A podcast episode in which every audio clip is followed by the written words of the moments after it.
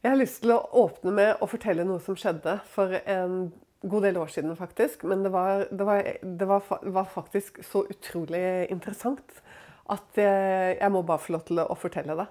Jeg var på vei hjem fra Oslo sentrum, opp til der hvor jeg bodde på Kampen, faktisk.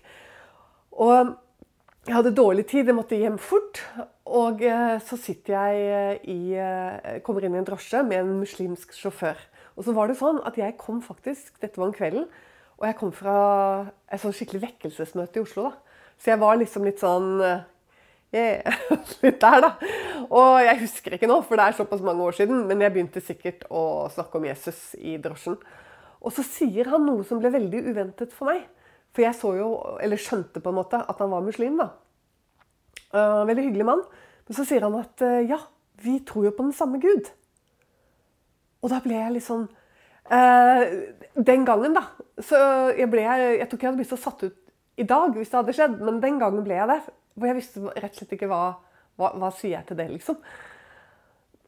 Og, og, så var jeg ganske lur, fordi at jeg begynte ikke å prate eller si noe bare sånn med en gang. Men jeg husker at jeg ba inni meg. Uh, og så antar jeg at jeg bare da begynte å snakke, liksom. Det var ikke noe sånn at Og da skjønte jeg hva jeg skulle si. Det var ikke sånn. Men da bare begynte jeg å prate etter at jeg hadde bedt en kort bønn. Og så kommer det egentlig bare en sånn veldig, helt naturlig spørsmål fra meg da, til han. Og, og det var ikke noe ironi. Det var, liksom, det, det var blottet for det. Eller, sant? det var ikke noe sarkastisk. Jeg bare sa at Men du, se. Eh, er, det ikke, er det ikke litt rart at en som, en som har en sønn og en som ikke har en sønn, altså med tanke på Gud, kan være den samme.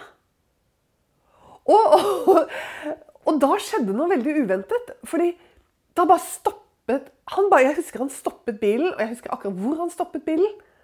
Og så ser han på meg, og så sier han Nei, men det er jo umulig, sa han. ja, ja, er det ikke det, så? For han hadde nok bare lært liksom, i moskeen at uh, at vi tror på den samme Gud som de kristne, men vi tror feil om denne Gud. ikke sant? Men at det er den samme. Uh, og når jeg sa dette, da, så, så var det liksom Nei, men det går jo ikke. I hvert fall da, For å gjøre en lang historie kort, så, så sier jeg til han at uh, Men du, sier jeg, da når vi da hadde forstått at vi trodde på to egentlig forskjellige guder, da, så sier jeg til han Men du, sier jeg, hva, uh, hva har Allah gjort for menneskene? Og da var jeg egentlig også litt sånn nysgjerrig å høre hva han, hva han trodde, og hva han ville si. da. Og så ble det helt stille. Eh, for han, eh, altså han kunne jo sagt forskjellige ting fra Koranen, at han har gitt oss Moses, og fremfor alt at han har gitt oss Mohammed, ikke sant, profet. Men han bare Når jeg sa det på den måten, sikkert, da, hva, hva Allah har gjort for menneskene, så og nå sier ikke jeg at ikke mange muslimer har et godt svar på det, liksom. Men han hadde ikke noe godt svar på det der og da. Han sa ingenting. Og så sa jeg til ham, men du, se, skal jeg fortelle hva den Gud jeg tror på, har gjort for menneskene? Eh, ja, ja, gjerne, sa han. Og da bare sa jeg Johannes 3, 16 litt sånn, ikke på rams, da, men jeg sa det omtrent sånn. Liksom, at så høyt har den Gud jeg tror på, elsket menneskene, elsket verden at han ga sin sønn, denne sønn som, som vi tror at han har.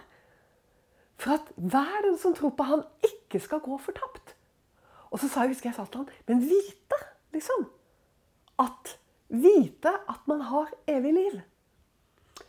Og når jeg sa dette, så ble han helt sånn han, han, han, bare så helt sånn satt ut. Og så sa jeg du ser, vet du hva, jeg tror jeg vet litt hvordan du har det. Fordi du skjønner at før jeg møtte Gud, da. Og han rett og slett frelste meg, sånn som jeg sa her. For Han frelste meg. Han reddet meg. Men før han gjorde det, så, så tror jeg jeg var litt sånn som deg. fordi jeg trodde at det fantes en Gud, og jeg var, jeg var religiøs. Jeg virkelig trodde på Gud. Og, og, men, men, jeg kjente han ikke. Jeg visste ikke hvem han var. Altså, jeg kjente ikke Gud. Sånn som Bibelen forteller at man kan kjenne han. Men da han frelste meg, så ble jeg kjent med han. Og jeg tror det er, jeg tror det er der du på en måte er. Og han var bare, jeg tenkte at nå får jeg sikkert, nå må han jo snart begynne å motsi meg skikkelig, liksom. Men han gjorde ikke det. Og han bare lyttet med Virkelig. Det er sånn, noen ganger når du snakker med mennesker, så føler du at de, de gjør mer enn å lytte. liksom. Det er som om ordene bare går rett inn. Og så sa jeg til han, kan jeg få lov til å be for deg? Og ikke da liksom der og da, men at jeg kan få huske deg, og, og hva heter du, og sånn. Og så fortalte han meg hva han het, og at han var veldig glad om jeg husket han i bønn, og ba for ham. Det var en, vet du det var en så fin, uh, fin samtale. Og jeg tenker også at det var en veldig fin åpning her i dag for det som uh, er temaet, nemlig å kjenne Gud. Det er veldig stort, og det er mange innfallsvinkler til det. Og det er sikkert uh, bortimot et utømmelig tema. Men, men jeg har en vinkling inn i det som jeg har lyst til at vi sammen her i dag skal se litt nærmere på. Og da skal vi gå til Johannes evangeliet, til det fjerde kapittelet. Og det er en veldig kjent samtale der mellom Jesus og hun som ofte blir kalt for kvinnen. Vi vet ikke hva hun het. Vi vet ikke hennes personlige navn, men hun er, si, ja, hun er viden kjent. Det må man kunne si. Og jeg vet ikke hvor mange taler som har tatt utgangspunkt og har talt over denne samtalen. Eh, og ulike deler av samtalen. Eh, men vi skal gå omkring, og det viktigste er det 22. verset. I eh, det fjerde kapittelet hos evangelisten Johannes. Og jeg vil bare lese, sånn at vi får med oss de ordene som står her. Og Jeg bare leser 22. verset, og så skal jeg si litt om foranledningen og det som på en måte skjer for deg som For man kan jo ikke ta for gitt at alle kjenner denne historien. Sant? Jeg håper jo virkelig at det er noen her som lytter, som ikke kjenner den. Så, jeg, så du, ja, du, kan gå og lese etterpå, men jeg skal fortelle litt mer. Men det 22. verset Jesus sier til denne kvinnen, midt i samtalen Dere tilber det dere ikke kjenner. Vi tilber det vi kjenner, for frelsen kommer fra jødene. Og, og du, det var faktisk ikke så veldig lenge etter denne samtalen med denne muslimske drosjesjåføren at jeg fikk eh, enda større interesse for akkurat de ordene Jesus sier her. I forhold til det å kjenne, og det ordet som brukes her, er et ord for å kjenne som er ganske intimt. Altså, jeg mener virkelig kjenne. Og foranledningen for at Jesus sier dette, det er jo at denne kvinnen som han møter, egentlig kan det virke litt tilfeldig, men sannsynligvis lite tilfeldig. Jesus velger nemlig å bli igjen, mens disiplene er opptatt av å skaffe seg mat og dra inn til landsbyen og sånn og sånn. Eh, og Jesus vil ikke være med. Han, eh, han står jo også at han er trett etter reisen, og er sikkert, er sikkert kjempetrett. Og blir bare sittende ved en brønn, og så kommer det en kvinne. Man regner med sikkert at det ikke var helt tilfeldig, det møtet der. At han faktisk ble der også for henne. Men det som skjer, da, er jo fantastisk, for hun er en samaritan. Hun er ikke en jødisk kvinne. Og samaritanerne på den tiden de var kjent for å ha en litt sånn blandingsreligion. Altså De hadde både tatt litt fra sitt eget eh, Dette var et folk som vi kjenner Jesus traff jo samaritanere flere ganger. Eh, blant annet ikke sant, denne barmhjertige samaritan, som også er minst like kjent som henne. Men de var kjent for å ha en blandingsreligion, og at de også hadde tatt en del av jødedommen. Eh, og Jesus skjønner at hun er religiøs, og du må bare lese hele samtalen. For jeg kan ikke gå inn på det, for det er mange lag her og mye spennende man kunne tatt tak i. Men så kommer det jo da til et punkt hvor hun liksom på en måte viser at hun er ganske religiøs. Da, og liksom, ja, vi skal be sånn og sånn, og det har vi lært at det er på dette fjellet. Og, og, og, sånn. og dere sier at det er i Jerusalem. Og, og sånn. Hun blir liksom, kommer med litt sånn religiøse utlegninger da. av tradisjon. Det som er deres tradisjon, religiøse tradisjoner. Og så sier bare Jesus midt inn i dette, og det er jo, det er jo rett og slett ganske sånn eh, Det går an å bli ganske fornærmet her. Det, det, det, tror jeg. Du kan bli ganske fornærmet av å få en sånn kommentar. Eh, når hun liksom har lagt ut, og så sier Jesus dere tilber det dere ikke kjenner. Man skulle si det liksom til en av en annen religion. Dere tilber Altså, du tilber jo det du ikke kjenner. ikke sant? Da skal du komme inn på en ganske fin måte, og det gjorde helt sikkert Jesus. Men han sier det. liksom, Bare setter skapet rett på plass. Dere tilber det dere ikke kjenner. Så sier han vi tilber det vi kjenner. For frelsen kommer ifra jødene. Og her skjer det jo noe interessant. Altså Her kobles frelse og det å kjenne Gud sammen. Altså at uten, uten å ha vært frelst Og for meg ble det jo bare sånn når jeg leste dette på ny etter dette med drosjesjåføren For det er jo så nydelig at du sitter i en samtale og tror du er til velsignelse for et menneske, så er jo plutselig det mennesket også vært en stor velsignelse for deg. For du begynner å reflektere og tenke gjennom ting. Fordi at jeg gikk jo og sa at jeg var en kristen i et par år. og Gikk med kors og gikk til nadvær. Men jeg var jo ikke født på ny. Jeg var ikke frelst. Men jeg gikk i, gikk i domkirken. Jeg vet ikke om jeg gikk der hver søndag, men, men jeg, jeg, bekjente meg som en kristen. Men jeg ville ikke være med å be eller noe sånt. Hvis noen liksom Ja, skal vi be? Så ville jeg jo ikke det. Jeg fikk jo det tilbudet når jeg var på sånn språk... Ja, sommerkurs i Moskva.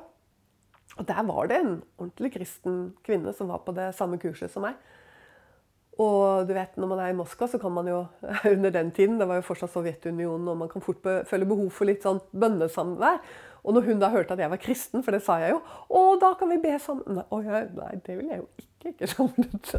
Ja, du forstår. Jeg var religiøs da.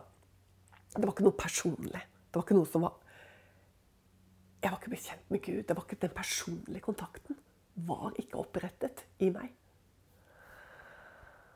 Og denne koblingen, da, fikk jeg lese på med nye øyne mellom kvinnen og Jesus. Fordi han rett og slett sier at for å kjenne ham må du bli frelst. Og da mener jeg altså personlig bli kjent med Gud. Altså, du må ha en Det er nesten litt sånn Det blir så fort feil å si at man må ha en opplevelse, for vi driver jo ikke med sånn opplevelsestro. Men allikevel, i dypet må du på sett og vis det, altså. For du må kjenne han. Han må løse deg. Han må frelse deg. Det er en kraft til frelse, skjønner du. Evangeliet er nemlig en Guds kraft til frelse. Og den kraften er ikke en sånn usynlig sak som bare skjer, og så merker Skjønner Altså, Så har ikke du merket noen ting. Det er, det er virkelig, og Hos noen er det veldig voldsomt faktisk, å bli født på ny. Det er vel derfor Jesus bruker sånne ord som når han snakker med denne rådsherren Nikodemus i kapittelet før her.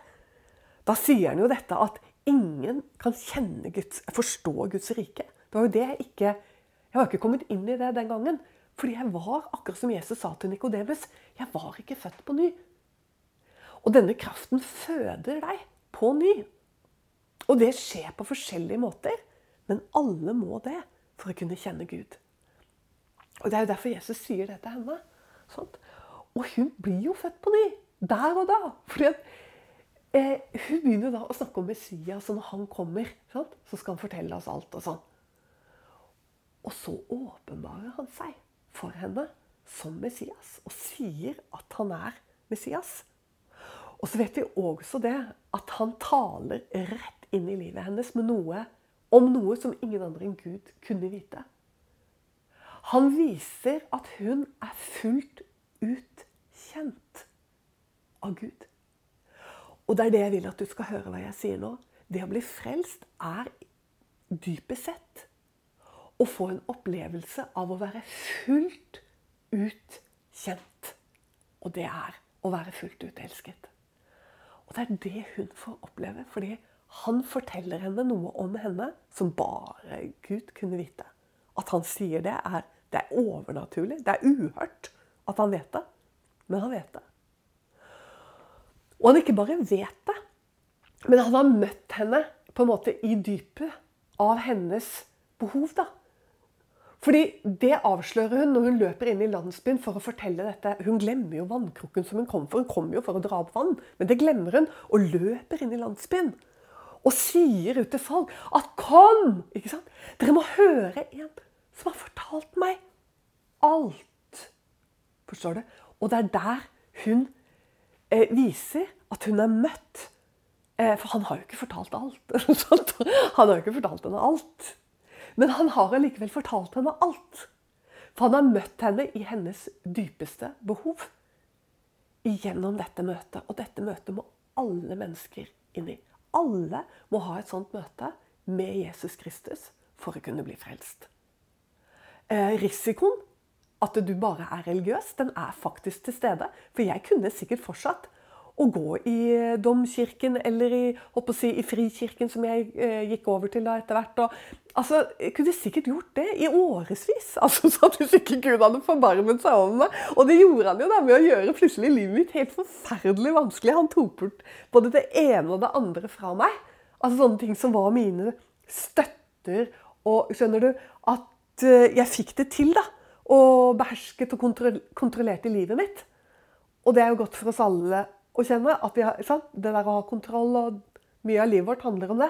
Og mister vi liksom, føler at vi virkelig begynner å miste kontroll på ting, så, så Skjønner du? Men det var jo dette Gud gjorde. Det var han som gjorde disse tingene fordi han skulle frelse meg. Altså, Og da, da må jeg bare si den bedrøvelse som også Bibelen snakker om, som man da kommer inn i. Altså, Den blir, er det jo ingen som angrer, og ingen som er lei seg for. Eh, å oppleve når resultatet er, som Jesus sa, at et nytt barn blir født, nemlig en ny skapning. Et nytt menneske.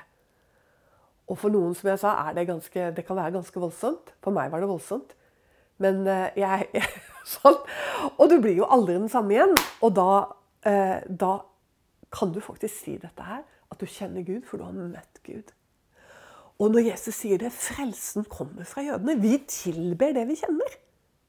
For frelsen kommer fra jødene.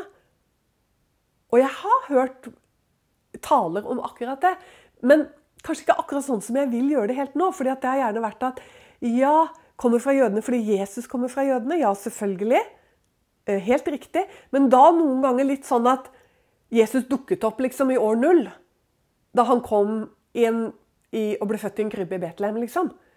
Hvor man glemmer at Kristus, klippen, han som er ordet, som Johannes forteller om.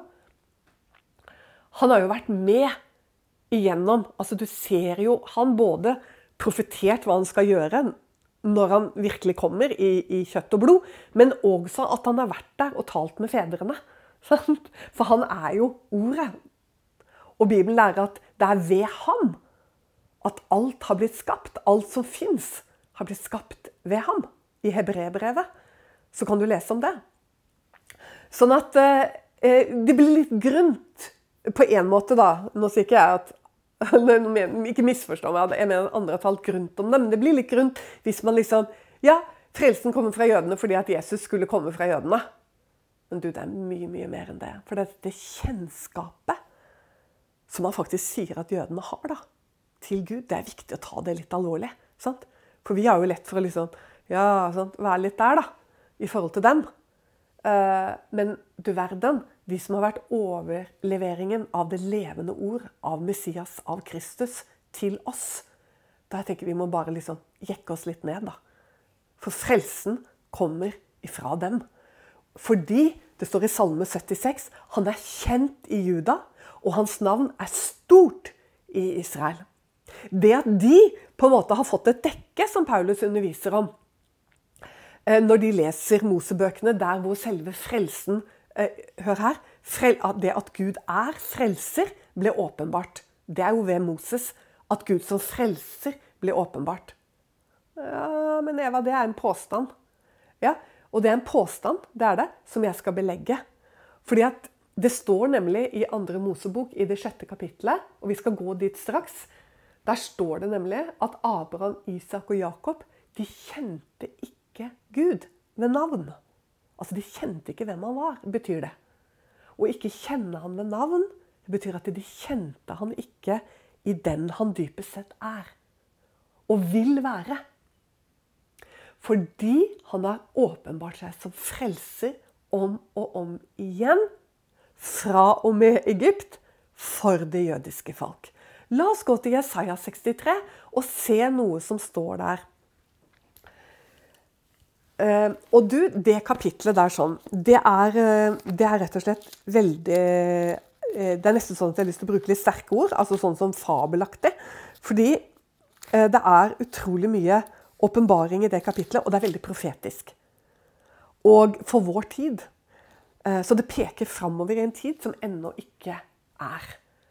Og det handler aller mest om hvem han har vært som frelser for det jødiske folk. Hvordan han har åpenbart seg som frelser. Hvordan de har lært å kjenne han som frelser. Altså hans navn er kjent i Juda. Hans navn er stort i Israel. Det er det Jesaja 63 handler om. Hvordan han har valgt å åpenbare seg for det jødiske folk. Og hør nå, så kommer profetien også. Hvordan de må på en måte påkalle han som frelser. Igjen.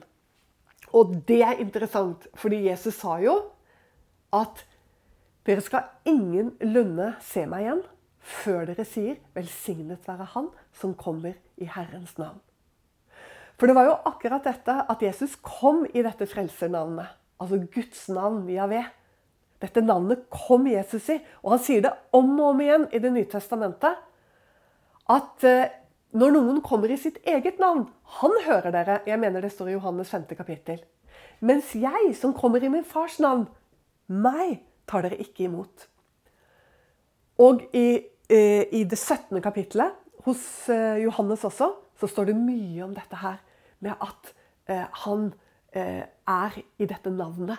Altså det er han som har kommet for å Han har kommet liksom i navnet til Gud Fader.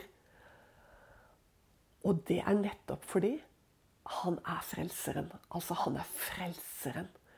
Og skulle jo da bli så til de grader gjenkjent av sitt eget folk. Og ble det delvis. sant? Vi vet jo ikke hvor mange jøder som kjente han igjen og, og trodde på han. Det må jo ha vært titusener, kanskje hundretusener. Men fortsatt så var det mindredelen som tok til troen. Og så vet vi jo da at de andre Det kommer en ny høst hvor resten av det jødiske folk etter profetiene skal komme inn. Men nå må vi passe på at vi ikke mister fokus her. Så la oss gå nå til Jesaja 63. Og se her først hva som står i det 16. kapittelet. Og nå kommer jeg til å lese, for her står det Abraham, og så står det Israel. Og da kommer jeg til å lese Israel som Jakob.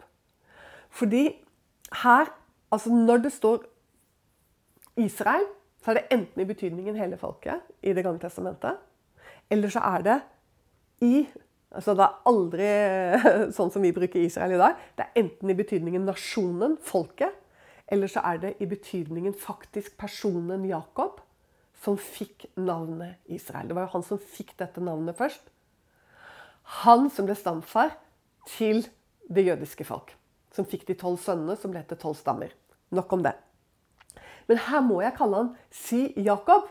Fordi For mange kan det bli uforståelig hvis jeg leser Israel, fordi betydningen her er egentlig Jakob. Ok, Nå gjør jeg kanskje noe enkelt veldig vanskelig, men, eh, men bare følg med. 16. verset. For du er vår far. Abraham vet jo ikke om oss, og Jakob kjenner ikke oss.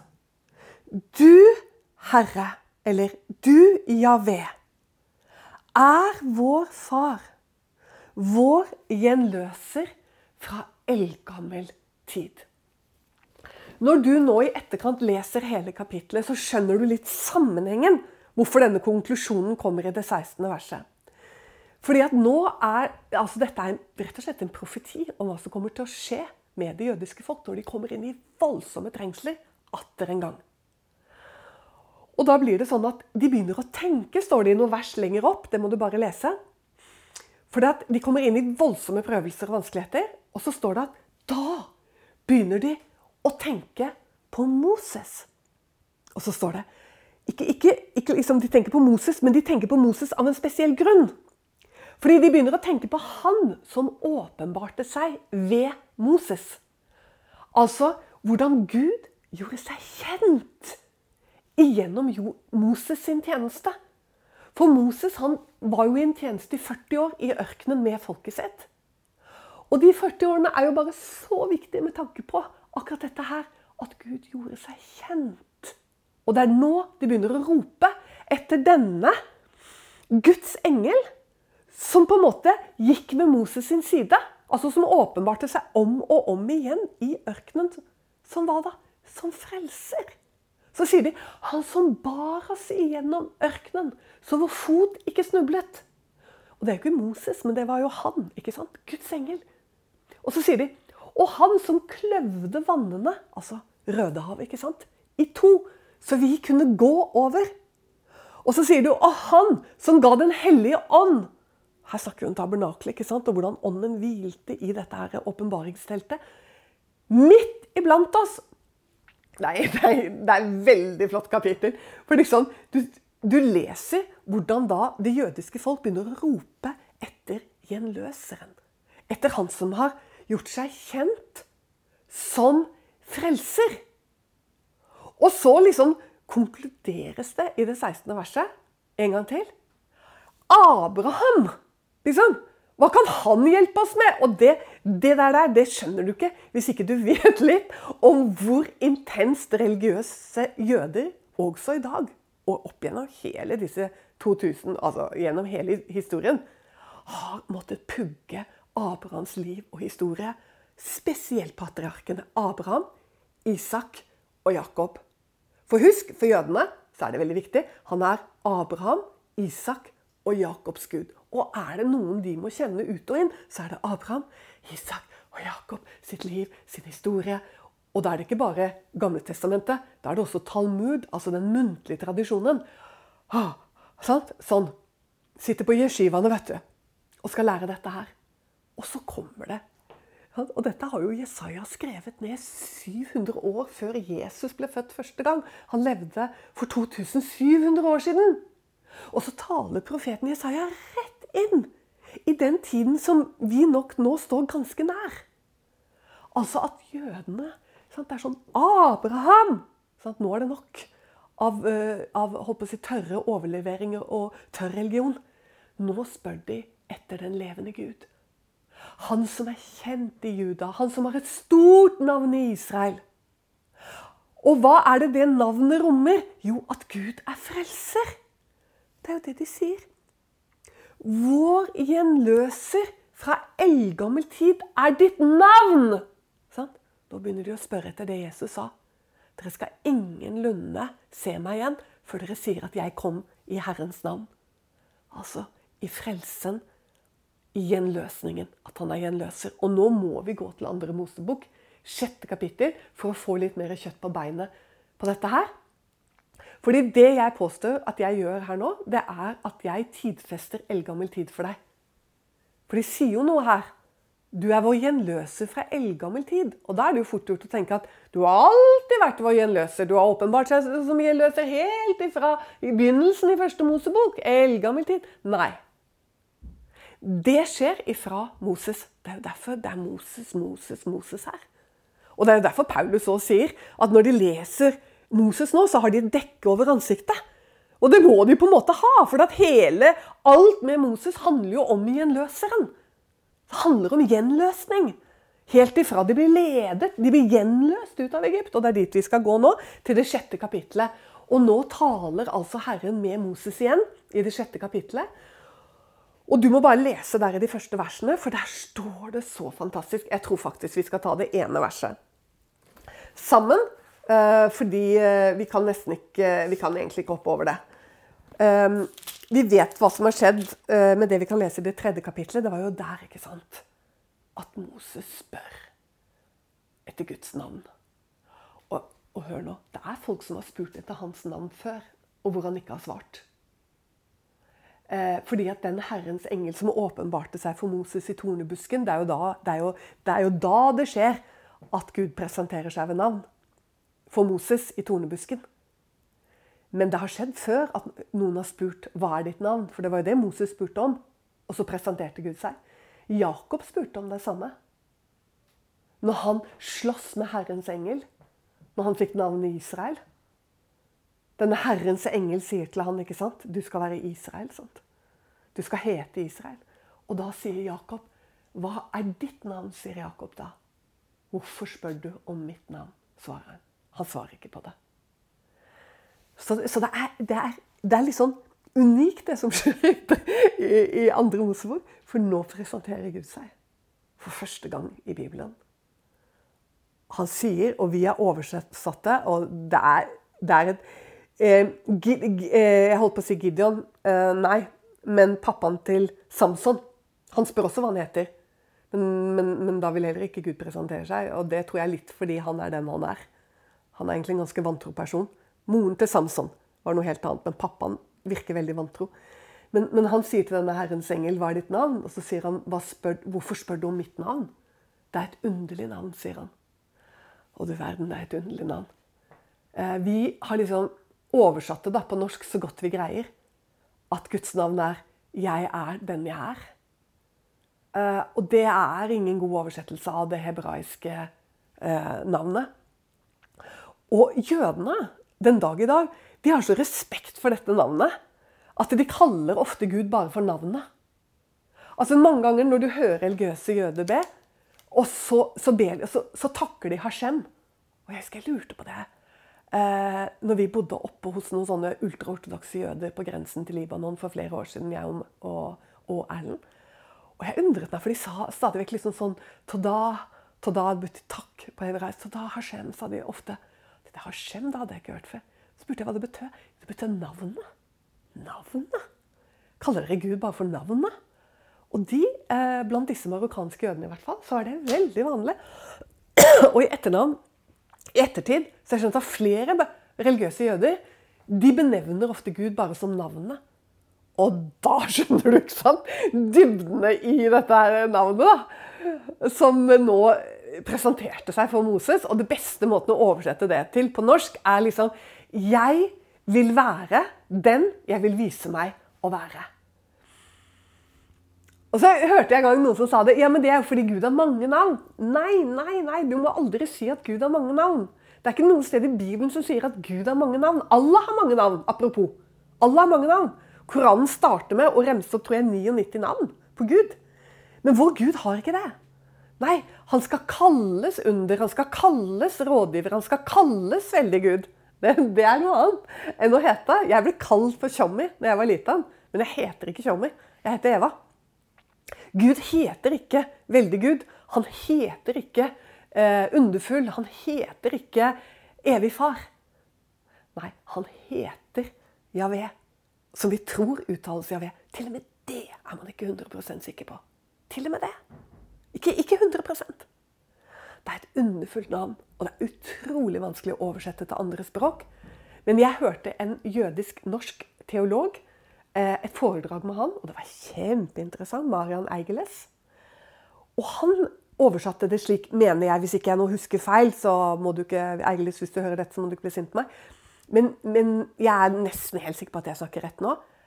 Jeg vil være den jeg vil vise meg å være. Er bare helt uh, underfullt, ja.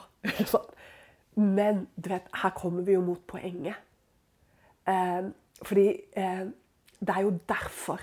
Hvis du nå blar til, til sjette kapittel, til sjette kapittel i andre Mosebok, det er jo derfor at det står det det gjør.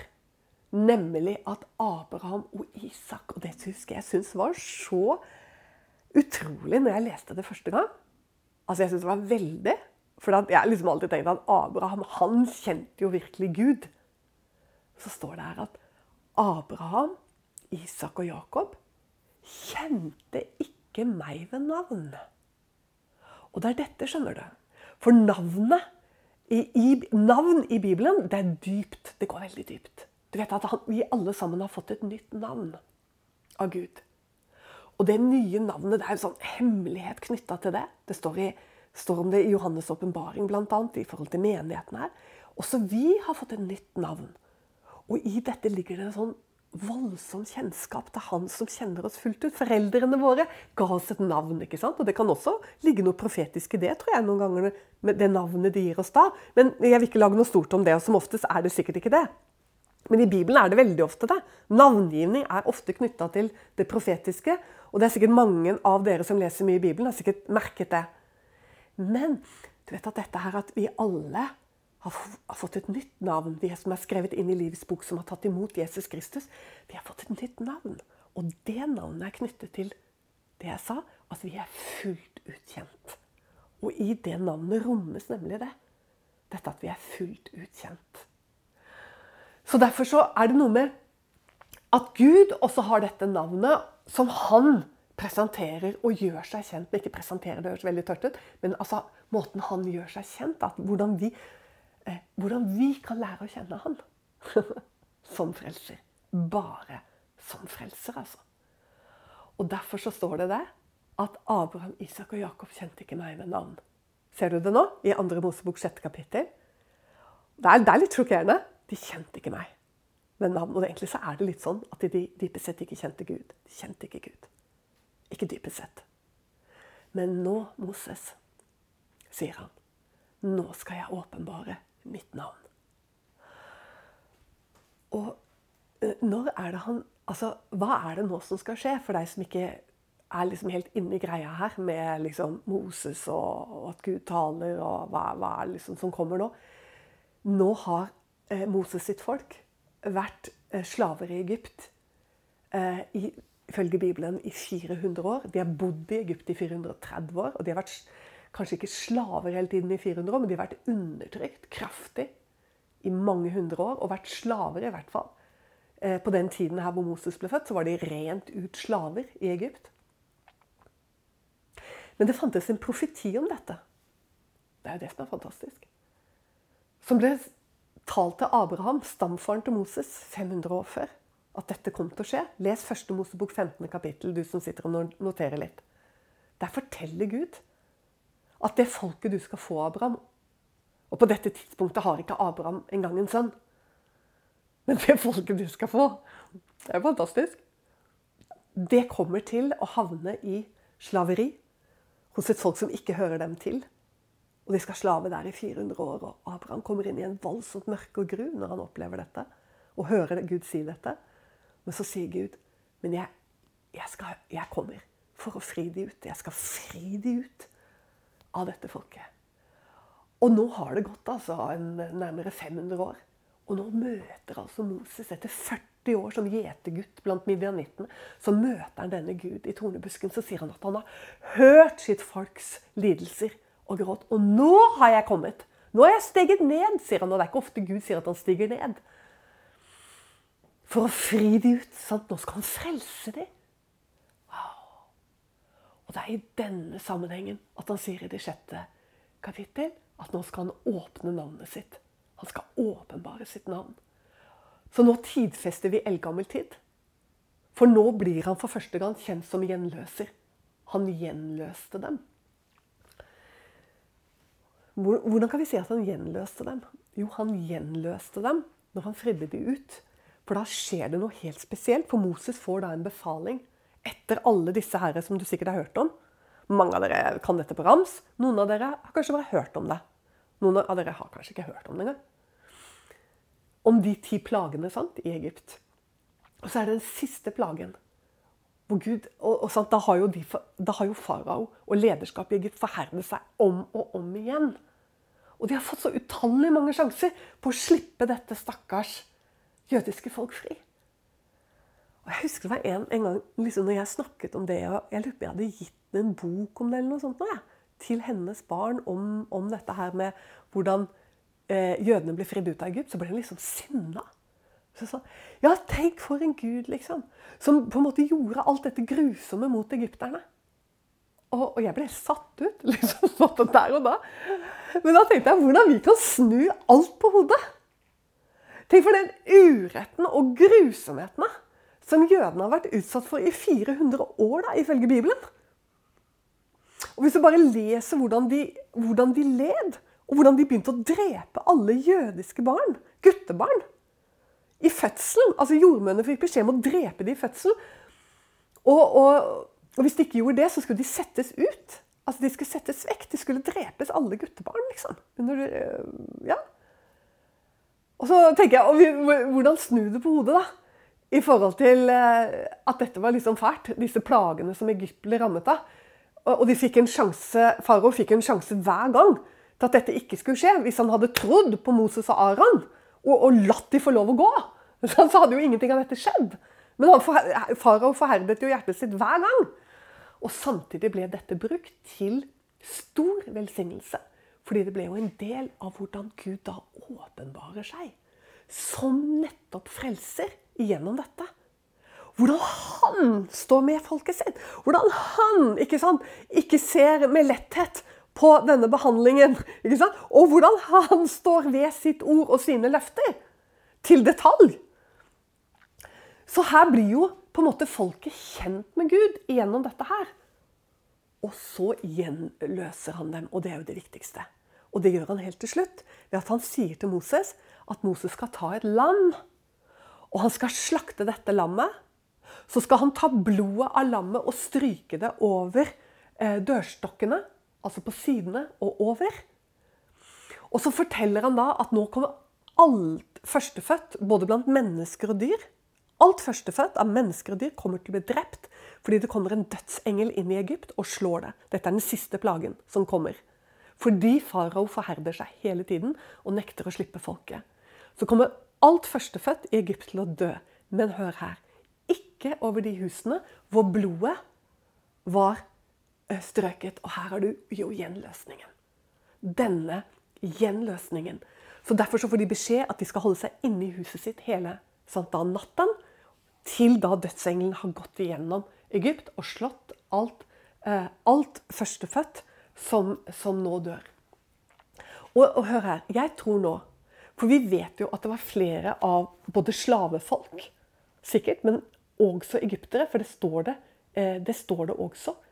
Eh, hvis du leser disse kapitlene med de ti plagene, så ser du mot slutten der, når de går ut av Egypt, så ser du at mange fulgte med av andre folk, og sikkert også av egyptere som var begynt å frykte Israels gud. Så selvfølgelig, hvis det var da egyptere og andre folk som hørte eh, hva Moses sa om hva som kom til å skje, og trodde Gud Og også sant, eh, slaktet lam. Et lam. Et lyteløst land, sånn og sånn. ikke sant? Og gikk inn under i huset sitt og strøk blod og gjorde akkurat sånn som Gud hadde sagt, så ble de, så ble de berget. Du ser at det var flere andre folk som var med når Moses gikk ut av Egypt. Sånn har det alltid vært. Det har aldri liksom vært sånn. Det har aldri vært bokstavens ånd, og vi driver ikke med raser her, liksom. Det er troens folk, er jødene. Og det har alltid blitt tillagt mennesker av andre folk som tror, kommer til en tro på Israels Gud. Ok, Men der gjenløste han dem. Gjennom dette landets blod. Gjennom blodet så ble de løst ut. Og den natten var det at de gikk ut. Du må lese dette fantastiske om hva det er som skjer, og hvordan det skjer. Og alt er jo bare så nøye og detaljert eh, beskrevet. Men eh, la oss lese, da. Andre Mosebok sjette kapittel nå mot avslutning. Eh, for der står det eh, da sa Herren, altså Javé Husk at hver gang det står Herren i Det gamle testamentet, over 6000 ganger, i Det gamle testamentet, så er det Guds navnet der vil jo da jødene bare si Hashem, navnet, når de leser Hashem. Ellers så ville de sagt Adonai. De sier ikke Javé, fordi det er et underfullt navn, eh, fordi det er et hellig navn eh, for det jødiske folk. Og så Han sier da til Moses nå skal du se hva jeg skal gjøre med farao. Ved min sterke hånd skal han tvinges til å la dem fare. Ja, ved min sterke hånd tvinges til å drive dem ut. For det var jo det de endte med å gjøre i Egypt. De drev jødene ut, for de ble redd denne Israels gud. Og Gud talte til Moses og sa til ham, 'Jeg er Javé, jeg er Herren.' 'Jeg åpenbarte meg for Abraham og for Isak og for Jakob som den allmektige Gud.' Men ved mitt navn, Javé, var jeg ikke kjent av dem. Og så må jeg bare stoppe igjen og trekke tråden til Jesus, ikke sant? I, som sier at han kommer i dette navnet. Så det er jo ikke, liksom, det er ikke litt viktig at Jesus sier at, eh, at dere skal ingenlunde se meg igjen, for dere på en måte skjønner og bekjenner at det er dette navnet jeg kom i. Altså han som, er, han som har åpenbart seg for dem som gjenløser fra eldgammel tid. Og som gjorde at Johannes startet sitt evangelium med å si at sant, lyset skinte i mørket, og mørket tok ikke imot det. Han kom til sine egne, men hans egne tok ikke imot ham. Her åpenbarer han seg som eh, gjenløser, og da åpenbarer han altså navnet sitt, at han er gjenløser. Det er bare sånn man kan bli kjent med Gud, ved at man blir gjenløst, at man blir født på ny. Si derfor til Israels barn, jeg er Herren. Jeg vil føre dere ut fra Egyptens tunge byrder og utfri dere fra trellearbeidet under dem. Og jeg vil forløse dere med utdrakt arm over store straffedommer. Og jeg vil ta dere til mitt folk, og jeg vil være deres Gud. Og dere skal kjenne Hør du nå? Vi tilber det vi kjenner, sa Jesus. Frelsen kommer fra jødene. Og dere skal kjenne at jeg er Javé, deres Gud. Han som førte dere ut fra Egyptens tunge byrder. Og så kommer det at jeg vil føre dere til et land og sånn og sånn. Åh, nå må jeg liksom nesten bare si litt halleluja her. For det er så utrolig å snakke om. Så kan du si ja, men er jødene frelst sånn som oss? Nei. Dette her er jo, dette er jo den forbilledlige frelsen, samtidig som det er en, en frelsesopplevelse kollektivt for det jødiske folk. Så når de feirer påske, så er jo det den, det er jo den høyeste høytiden for det jødiske folk. Det er jo ingenting som er større, fordi det er selve denne kollektive frelsen. da, Hvor de lærte å kjenne Gud som gjenløser, som de feirer. Og og for oss så får vi bare se denne vidunderlige linjen. Hvordan han har åpenbart seg som gjenløser. Og så får vi lov å lese Egypt. Og det han sier at han skal gjøre, da. Som det samme som han gjorde med meg og med deg, som har tatt imot han. Fordi at Egypt kan få lov å stå for verden. Det er jo åpenbart at de kan trekke den sammenligningen her. sant? Han løste ikke sant, meg og deg og alle som har tatt imot han, ut av verdens tunge byrder. Ut av syndens tunge byrder. Så løste han ut også oss ved store straffedommer. Hvordan da? Jo, straffedommer som rammet Jesus Kristus, Guds lam. Han som skulle gi sitt Han kaltes for Guds lam, ikke sant? Hvorfor gjorde han det? Jo, fordi vi er rett tilbake i andre Mosebok med dette lammet, som er på en måte eh, det forbilledlige. Frelsen, ikke sant? Lammets blod. Det rene lam, det lyteløse. Altså, hva betyr det? Jo, et lam uten feil og mangler. Det skulle være helt spesielt. Årsgammelt hanndyr. Som eh, skulle ofres. Og det er jo ikke noe hyggelig. Hva er dette for en gud? Men det er jo for å forstå at bare blod eh, kan Altså bare en en eh, stedfortredende kunne på en måte måtte betale for synden. Altså et stedfortredende offer for din og min synd. Den gangen forklart gjennom et lam. Men så kommer han som virkelig er Guds lam, Jesus Kristus.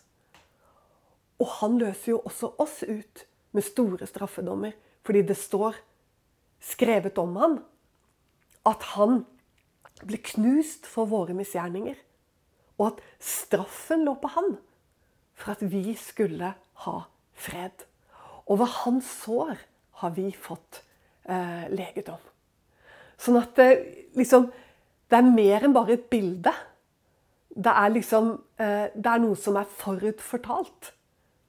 Som skulle bli fullbyrdet da, i Messias, i Jesus Kristus. Sånn at eh, når eh, Paulus sier at jødene har et dekke når de leser Moses, så skjønner vi jo det veldig godt.